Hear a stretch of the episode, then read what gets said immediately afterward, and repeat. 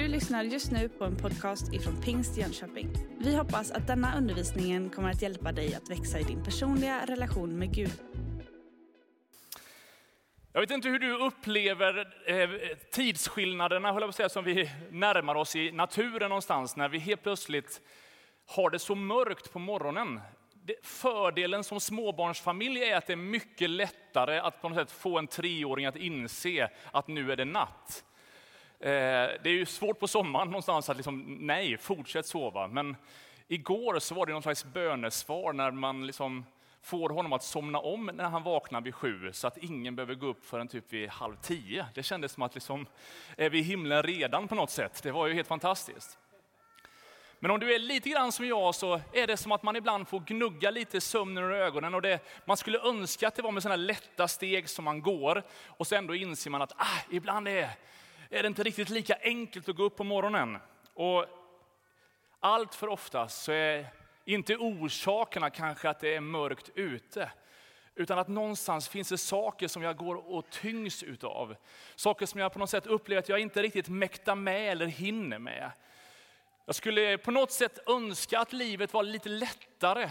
Att det fanns lite fler sådana här, man kunde boxa in det och säga att så länge man är frisk så är allting bara bra. Men jag märker att ju mer man lever, ju mer nyanser utav olikheter och svårigheter verkar det som att man på något sätt måste lära sig att hantera. Samtidigt så är det ibland ganska tungt, trots att väldigt mycket är bra. Har du varit med om det? Så därför när folk frågar, hur är läget, hur mår du? Ja, hur ska jag svara? Det är ju otroligt mycket jag är tacksam över. Det finns ju massor med förutsättningar som jag har som jag är jätteglad över. Men det kanske finns andra pusselbitar utav mitt liv som inte är lika enkelt. Och hur ska jag beskriva det där när livet inte är riktigt så självklart? Ganska många av er som sitter i det här rummet, ni, ni vet hur det är att gå till jobbet och känna att du liksom ska leverera, du ska prestera, du trivs med ditt jobb. Men det är saker där i jobbet som gör att någonstans det inte känns så där jätteenkelt alla gånger. Och vi skulle kunna ha många olika beskrivningar på hur den där frihetslängtan finns. De här lätta stegen är liksom en dröm, men ändå så gör livet sig påmint och det blir liksom tungt på axlarna. Sen är det faktiskt så att det finns en komplikation till i ekvationen och det är att Gud har ett fantastiskt syfte med att just du finns. Men ända sedan tidens början så har det där människans mål och mening blivit attackerat, inte bara av livets omständigheter utan av den ond makt som vill stjäla, slakta och förgöra och försöker fresta oss bort från Guds plan och Guds syfte. Och hur, någonstans ska jag på något sätt hantera den verkligheten av mitt liv också. Det jag märker är att när tyngden blir lite för tung på axlarna, när frestelserna eller motgångarna blir lite för många, så är det svårt att ha rätt riktning med sitt liv. Även om jag vill åt rätt håll så känns det som att jag inte orkar eller har förmåga att riktigt nå dit. Kanske att du känner igen dig med den brottningskampen ibland. Hur behåller man liksom en andlig skärpa och en passion och en glädje i Gud mitt i eländet? När livet spelar en annan melodi, hur kan jag ändå lovsjunga och säga att Gud, du är god, när livet känns helt motsatsen? Vad händer när min längtan efter Gud hålls tillbaka av alla de här livssituationerna? Och vad jag gör, jag liksom den här kraften att liksom vandra vidare saknas. Ja, faktum är att när Galaterbrevet kapitel 6 skrivs, så är det som om Paulus har detta i sin tanke för att hjälpa oss att navigera. Du ska få sitta en stund alldeles strax, men ska vi stå upp och läsa tillsammans från Galaterbrevet kapitel 6, från vers 1 och framåt. Här står det så här. Har du med dig din bibel så hinner du slå upp det. Galaterbrevet 6, vers 1-10. Och för dig som har med Bibeln så ska jag ge dig en chans. man ska hylla och hedra den som har med sig Bibeln. Det är bra. Om någon skulle ertappas med en överträdelse, då ska ni som är andliga människor med mild ande upprätta honom. Men se till att inte du också blir frestad. Bär varandras bördor så uppfyller ni Kristi lag. Den som tycker sig vara något fast han ingenting är, han bedrar sig själv. Var och en ska pröva sin egen gärning. Då kan han ha sin stolthet för sig själv och inte jämföra sig med andra. Var och en ska bära sin egen ryggsäck. Men den som får undervisning i ordet ska dela med sig av allt gott till den som undervisar honom. Bedra inte er själva, Gud lurar man inte. Det människan sår ska hon också få skörda. Den som sår i sitt kött får av köttet skörda undergång, men den som sår i anden får av anden skörda evigt liv. Låt oss inte tröttna på att göra gott, för när tiden är inne får vi skörda om vi inte ger upp. Så låt oss därför göra gott mot alla medan vi har tillfälle, och särskilt mot dem som tillhör trons familj. Vi ber en bön tillsammans. Herre, jag tackar dig för ditt ord. Tackar dig för möjligheten att hämta kraft, hämta styrka, hämta vägledning från det som du vill säga in i våra liv. Och nu ber jag dig för varje man och kvinna i det här rummet. Jag ber för alla som lyssnar på närradion eller följer via hemsidan. Herre, du vet precis omständigheterna runt omkring oss just nu. Du vet törsten och längtan efter kraft som vi kanske har. Och jag ber dig Herre att du skulle komma oss till mötes och göra ditt verk i oss ännu mer. I Jesu namn. Amen. Varsågod och slå dig ner. När man läser det här bibelordet så fastnar väldigt ofta vår uppmärksamhet på de klassiska orden bär varandras bördor. Och så använder vi den formuleringen på lite olika sätt. Det intressanta är att när du läser den här texten så förstår du att det handlar inte bara om att hjälpa för stunden, det är inte någon slags lindring i nuet. Du var med om någonting tufft igår och därför så hjälper jag lite grann idag. Utan hela den här texten har sikte på evigheten. Att någonstans hjälpa varandra så att vi alla når hela vägen fram. Om ett par veckor när vi har alla helgona helgen så är det många som besöker olika gravplatser. Och även här i kyrkan kommer vi uppmärksamma människor som har fått gå före in i det himmelska och vi kommer ha den här minneskonserten på kvällen. Och, ja, vi kommer tala om himlen men faktum är att Bibeln så många gånger sätter just himlen i perspektiv på hur vi ska hantera nuet. Det är som om att alla våra bördor vi möter, alla livssituationer som kommer oss till mötes, faktiskt inte bara ska ses i ljuset utav nu, utan också utav sen. Och i ekvationens slut, så är det kanske först då som vi förstår hur saker och ting hänger samman. Det verkar som att vi får skörda evigt liv om vi vandrar rätt. Och att vi kan hjälpa varandra att på något sätt få se det hända. Och därför så uppmuntras vi till att ta vara på varje tillfälle för att betjäna andra, göra saker gott. Särskilt de som tillhör trons familj, särskilt de som är en del av vår församling. Är det exklusivt bara för dem? Nej, inte alls. Vi vill vara med och betjäna så många som möjligt. Vi vill med våra liv, men inte bara här och nu göra skillnad, utan för evighetens skull sätta prioriteringarna rätt. Inledningen av det här kapitlet talar ju om någonting som vi talar väldigt sällan om. Det som Paulus säger, att när du ser någon som ertappas med att göra fel, när någon gör en överträdelse, det här med på något sätt andlig tillrättavisning är kanske inte våran paradgren. Vår historia är full av berättelser där ambitionen var god, renhetslängtan var ärlig och stark, men fick övertoner och blev till syndakataloger och väldigt exkluderande, hård och med mycket pekpinnar. Men i nuet så är det som att vi i vår individualistiska värld och någonstans, kom inte och säg hur jag ska leva mitt liv, någonstans har svårt att navigera i ett landskap. Hur ska vi kunna hjälpa varandra om vi ser att någon är på väg åt fel håll? Satt och pratade med några här för ett tag sedan som kämpar med alkoholmissbruk.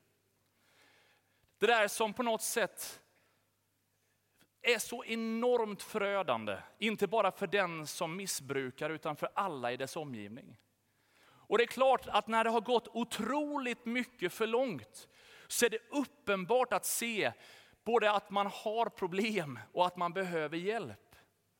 Problemet är alla de etapperna innan, där människor runt omkring märker att Nej, men nu är det nog lite för mycket. Hur ska man kunna säga det?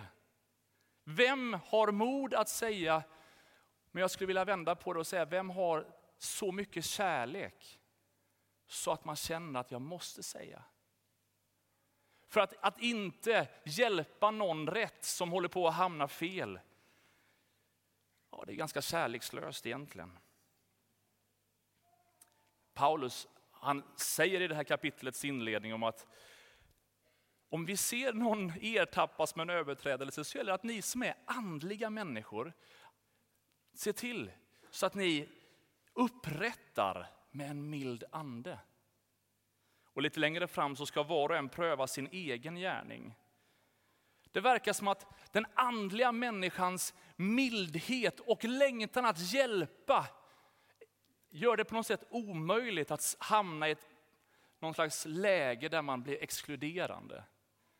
När jag har självinsikten att jag själv behöver nåd, att jag själv är ett behovets barn, ja, då blir mitt andetag inte att oj vad fel du gör och varför skärper inte du dig, utan då hjälps vi åt.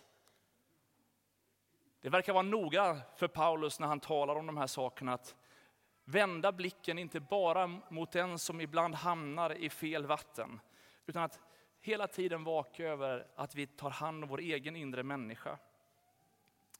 Och så kommer det här mäktiga ändå, bär varandras bördor. Vilken fantastisk liksom, hälsning mitt i att ditt liv, hur svårt det kan vara, hur mycket liksom, uppförsbacke du än är, så behöver du inte vandra den här sträckan helt själv. Utan hela gudskonstruktionen av gemenskap, av församling är att ingen behöver bära själv. Utan vi kan få bära varann. Jag tycker det är fantastiskt, Jesus själv han är ju väldigt nådefull, men vid några lägen så skruvar han upp liksom nåden och säga att det här är inte bara en rekommendation, utan ett nytt bud ger jag er. Och det är att ni ska få älska varandra. Så som jag har älskat er vill jag nu att ni ska älska varandra. Och snacka om att bära någon annans börda så utgivande som Jesu kärlek är, som inte vakade över sin egen jämlikhet inför Gud, utan avsade sig allting för att bli en tjänares gestalt som vi. För att gå vår väg, lida vårt lidande, bära vår synd, ta det osjälviskt på sig. Han säger att vi ska älska med samma kärlek som han. Om man studerar de här texterna lite närmare, ska inte ta med dig på en, liksom en bibelstudium om, om vad det innebär att bära och vad bördor kan stå för. Men faktum är att det har ett väldigt brett innehållsfält. Det är inte bara liksom en fysisk enstaka börda. Det är ganska lätt om jag har liksom fulla matkassar eller jag tog två olika företagsmärken så att inte någon känner att vi liksom har köpta gudstjänster med produktplacering. Så att vi är lite, vi är lite styr, liksom stärkta. Men jag kan hålla dem så här om det känns bättre. Men du vet, när jag går genom livet så är det ganska enkelt att, någon se, att se att nu är det tungt med de här bitarna. Nu, nu bär jag de här delarna och någonstans hur stark jag än är så kan jag känna, Benjamin kan inte du bara ta en kasse? För det skulle vara skulle underlätta för mig. Det är otroligt stor skillnad att liksom få bli av med en bit. Att den, den här var tung att bära. Du verkar lite lat som stannar där, men... Eh. Men faktum är att hela bibelordet handlar än en gång inte bara om den här fysiska ansträngningen som kan vara en otrolig verklighet. Jag menar att är du en ensamstående förälder i det här rummet, så vill vi i vår kyrka genom vårt Singoalla-nätverk, men med hela vår kyrkas famn, stå vid din sida och praktiskt hjälpa dig. Vi har barnkläder i källaren, vi, kan, vi har eh, barnvagnar och allt. Vet, vi vill göra vad vi kan för att fysiskt hjälpa. Men den här texten handlar inte bara om den där fysiska hjälpen, utan också den andliga omsorgen. Och den kan nästan vara lite svårare i vår privatreligiösa tid. Men i vår kyrka så har vi här på höger, min högra sida, er vänstersida, Varför vi öppnar upp den här salen är ju inte i första hand för att vi liksom är fullt här än, även om vi längtar efter det. Utan det är för att skapa ännu bättre förutsättningar för att be med människor med personlig förbön i slutet av varje gudstjänst. Som en stund när jag är färdig här så kommer vi säga välkommen till förbönsplatsen. Inte för att på något sätt, det är bara några som eventuellt liksom inte har någon annan som man kan vända. Men vi tror att alla egentligen behöver personlig förbön regelbundet i sitt liv. Jag är pastor i den här kyrkan. Jag försöker vara med på så många bönesamlingar jag kan under veckan. Och min smågrupp är suverän, men jag försöker i princip varje söndag ta tillfället att någon även ber för mig. För jag känner, jag behöver mer utav Gud i mitt liv. Och ibland så är det bördor man bär, man känner bara Gud ge, ge mig kraft i den här situationen. Så förbönsplatsen, den finns där för att praktisera det här bibelordet. Bär varandras bördor. I vår kyrka har vi också ett samtalsnätverk där vi i samtalstjänst har duktiga människor som både med kompetens och med hjärta vill lyssna till människors berättelser och hjälpa människor i själavård. Det kan finnas saker som inte bara är en enkel förklaring på, utan man ibland behöver få prata lite längre, dela sitt hjärta lite djupare. Men jag skulle verkligen, verkligen vilja att varenda en i vår kyrka var med i en smågrupp.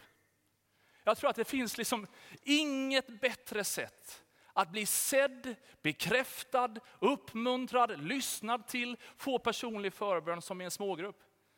Och du tänker in i min situation lite grann. Jag är pastor och föreståndare i den här kyrkan. Mitt ansvar är att alla som tillhör den här kyrkan ska växa i sin tro, må bra, få omsorg och allt sånt där. Vi är många i det här rummet nu. Vilka är det som inte är här? Är det någon som kan liksom hjälpa mig att ha koll på hur många får fattas i det här rummet? Det är ju helt omöjligt, både för mig enskilt, eller ens om vi är många ledare, att någonstans i det här rummet ha full koll på alla som är här. Och liksom, hur ska vi göra det och hur ska vi följa? Däremot så har vi ett smågruppsarbete i vår kyrka. Och Apostlarna 2 säger så här att varje dag var de troget och enigt tillsammans i templet och i hemmen bröt de bröd och delade måltid med varandra i jublande innerlig glädje. De prisade Gud och var omtyckta av hela folket. Och Herren ökade var dag skara med dem som blev frälsta. Det finns en dynamik av både tempel och hem. Som inte är att min gudstjänst är i hemmet eller min gudstjänst är bara i kyrkan. Nej, du behöver både och. Vi behöver mötas tillsammans över generationer, olika sorters människor och allt vad vi kan rymmas i våra olikheter. När vi kommer samman för att lyfta upp namnet Jesus. Prisa Gud tillsammans, be för den här staden, be för det uppdrag vi har. Men du behöver också den här nära gemenskapen där man tittar varandra i ögonen och säger bara, hur, hur är läget? Hur mår du? Och att man är där i ett rum med människor som man lär känna, börjar dela livets kanske mer personliga delar.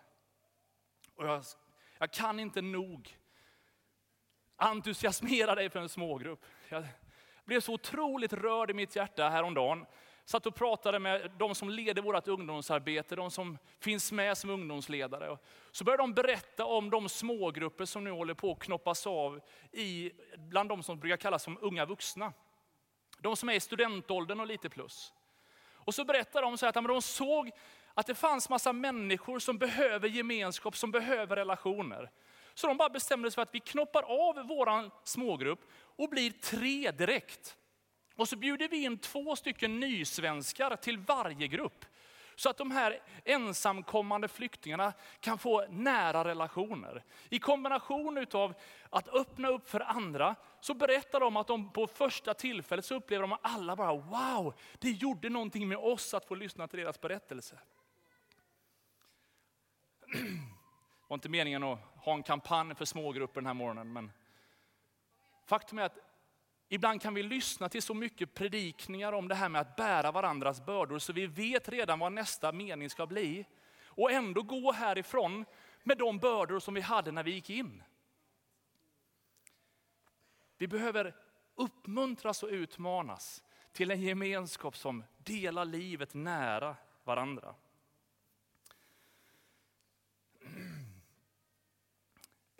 Det intressanta är att i samma bibeltext, bara verserna efter, så krånglar Paulus till det. Då säger han liksom inte längre bär varandras bördor, utan då börjar han prata om att ja, bär varandras bördor, men du, alla ska ta sin egen ryggsäck. Jag ska helt ärligt säga att så här friluftsmänniska är inte jag. Jag fick ringa till Lasse Alvåg och säga, liksom, du, har du några prylar? Jag är ingen sån här liggunderlagskille. Så jag måste ärligt bekänna att tro inte att den här är min. Men den kanske klär mig, eller hur? Jag kanske borde prova, ja. Kul att gå inomhus med sån här i alla fall. Men hur? Vi skulle ju alldeles nyss bära varandras bördor. Nu så säger Paulus att jag ska bära min egen ryggsäck. Hur ska han ha det egentligen? Ja, det undrar du också. Ja, det är rätt. Faktum är, det verkar finnas en förmåga hos oss att gärna skylla ifrån oss. Det verkar som att när Adam och Eva ertappas så vill inte Adam på något sätt säga att det var hans fel, utan det var hennes fel. Det finns ett personligt ansvarstagande som ingen gemenskap i världen kan frånta dig och mig. Hur underbar församlingsgemenskapen än är, hur välfungerande smågruppsarbetet eller inte är, så är det personliga ansvaret för din egen ryggsäck faktiskt också viktigt.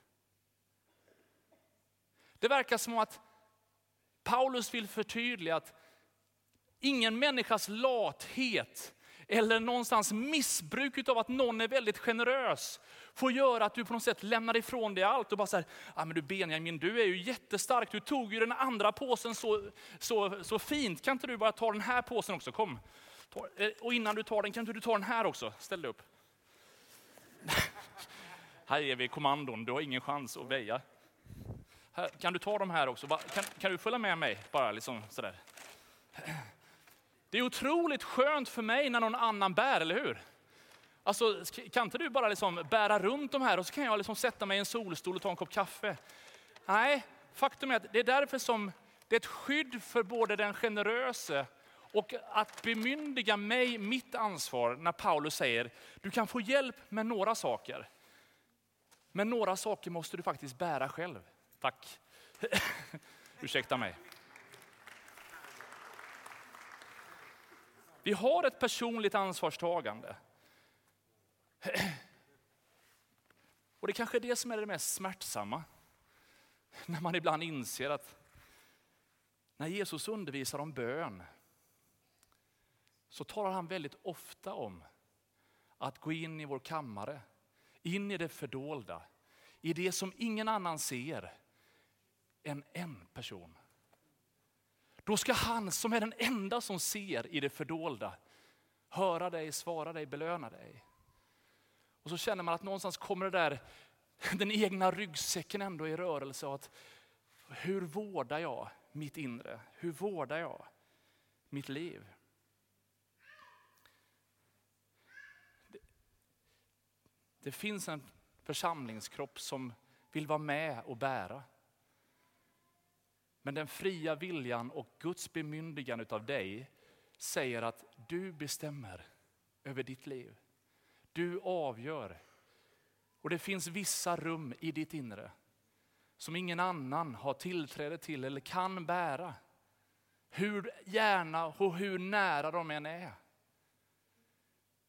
Tycker jag har en fantastisk fru. Hon har orkat med mig länge, med mina fel och mina brister. Trots att hon älskar mig dyrt och heligt så finns det vissa saker som hon inte kan bära. Jag måste bära själv. Då kommer vi till ett område som faktiskt är oerhört befriande. Det är att när jag kommer här med min livs ryggsäck så säger faktiskt Bibeln så här. Att jag kan få kasta min börda på Herren. Han ska ta hand om dig. Han låter aldrig den rättfärdige vackla. När Jesus dog på korset så dog han för min synd. Så när jag ska ta upp mitt kors och följa honom så handlar det inte om att jag ska frälsa mig själv och någonstans bära min egen synd. Nej, synden, skulden, skammen, den har han burit och den kan jag få lägga vid hans kors.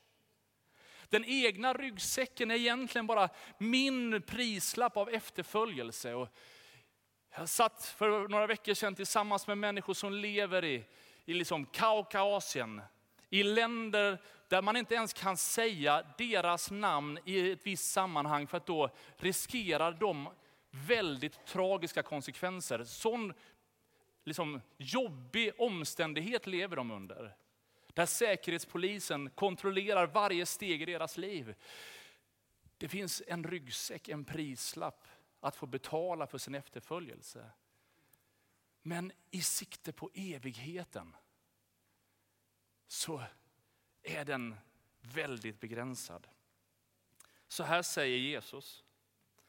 Kom till mig, alla ni som arbetar och är tyngda av bördor, så ska jag ge er vila. Ta på er mitt ok och lär av mig, för jag är mild och ödmjuk i hjärtat. Då ska ni finna ro för era själar. För mitt ok är milt och min börda är lätt. Vilken fantastisk skön text att känna, jag som arbetar, jag som liksom bär på tunga bördor, jag som tycker att livet är lite svårt att gå, få ihop. Hur ska jag få ihop alla de här bitarna i mitt liv? Oh, jag kan få komma till Gud och säga, bara, ja, kan jag få byta liksom väska med dig? Kan jag få lägga ifrån mig en hel del av de här tunga onödiga sakerna och gå i ditt milda ok? Kasta din börda på Herren. Det är en ganska stor skillnad på att liksom råka tappa nycklarna och undra vart tog de vägen. Eller medvetet känna, de här behöver jag inte, jag kastar iväg dem. Att kasta din börda är att någonstans bara bestämma sig för att de här sakerna som tynger mig nu, jag tar ett medvetet val och säger, jag vill inte ha de här längre. Jag vill att någon annan, liksom, jag, jag vill bara, Gud nu får du ta över det här. Om det finns ett missbruk som du sitter fast i, som du känner bara, jag kan inte i mig själv på något sätt hindra att det här händer. Ja, men då kanske du behöver kasta det till Gud och säga, Gud nu, nu behöver jag din hjälp att bli löst från det här. Jag har inte förmåga själv. Jag behöver ett medvetet val, bestämma mig för att släppa taget. Ibland kan det vara så att du kommer till kyrkan på söndagen och så sätter lovsångsteamet igång.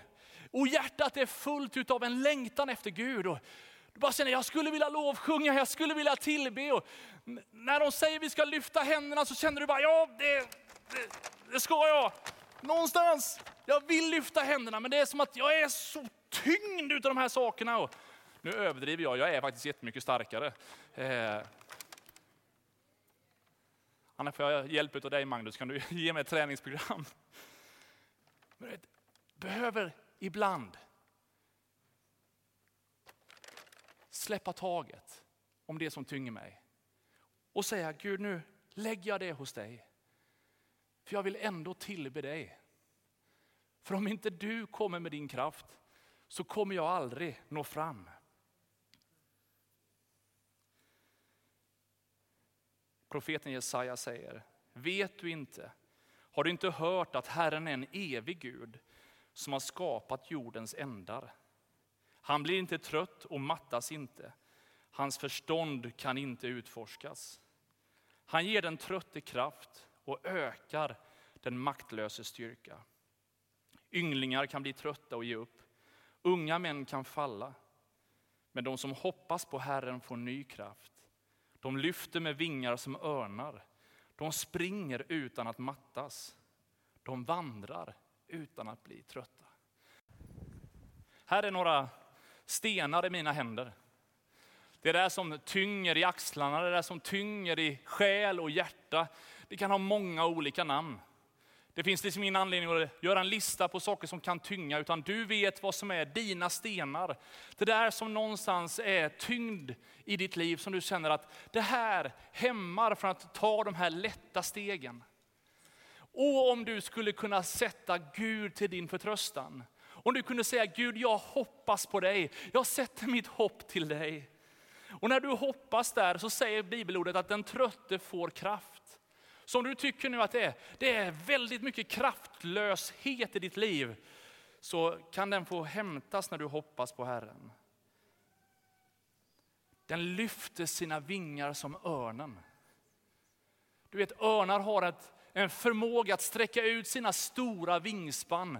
Så att när stormen är som starkast så lyfter den ännu högre. Den flyger över stormen, ovanför stormen. Den har liksom förmåga att lyfta sig över det. Och Gud har sagt att även om du vandrar genom dödsskuggans dal fruktar du inget ont. För han är med, han går vid din sida. Och att någonstans bara säga, Gud nu kommer jag, jag lämnar mina stenar till dig. De springer utan att mattas, de vandrar utan att bli trötta. Ja, jag är helt övertygad om att Gud har ett äventyr för dig. Gud har en tanke med att du finns och han vill att du ska leva ditt liv blomstrande med kraft och med glädje och till välsignelse för andra. Men ibland så kan de där tunga axlarna göra att fokuset också krymper och det som är blicken upp till alla blir lite ihopkrympt. Och någonstans blir jag fast i mitt problem. Ska vi be tillsammans att det här får nu bli några minuter av krafthämtning. Oavsett vad din sten har tyngt dig med. Jesus, jag tackar dig för ditt ord, tackar dig för välsignelserna i ditt namn. Och nu ber jag dig Herre att du skulle hjälpa oss att vandra nära dig, att hoppas på dig. Herre jag tackar dig Gud för en församling som på olika sätt vill vara med i det vi kan att bära varandra. Att vi hjälper varandra i förbön, hjälper varandra i själavård, hjälper varandra att dela liv, gemenskap. Men Herre jag tackar dig också Gud för att i det som är vår egen brottningskamp, i det som inte någon annan kan göra, där har du gripit in Herre. Där vill du bära, där vill du ge kraft. Så att det som är våran sträcka, det som är våran ryggsäck, det som är våra utmaningar, Herre din ande vill vara över oss. Och jag ber dig Herre att du skulle låta resten av den här gudstjänstens avslutning nu få bli ett sånt där tillfälle där din ande gör det som vi behöver Herre. I Jesu namn så ber jag. Du har just lyssnat på en podcast ifrån Pingst Jönköping. För att få reda på mer om vilka vi är och vad som händer i vår kyrka så kan du gå in på pingstjonkoping.se eller följa oss på sociala medier via pingstjkpg.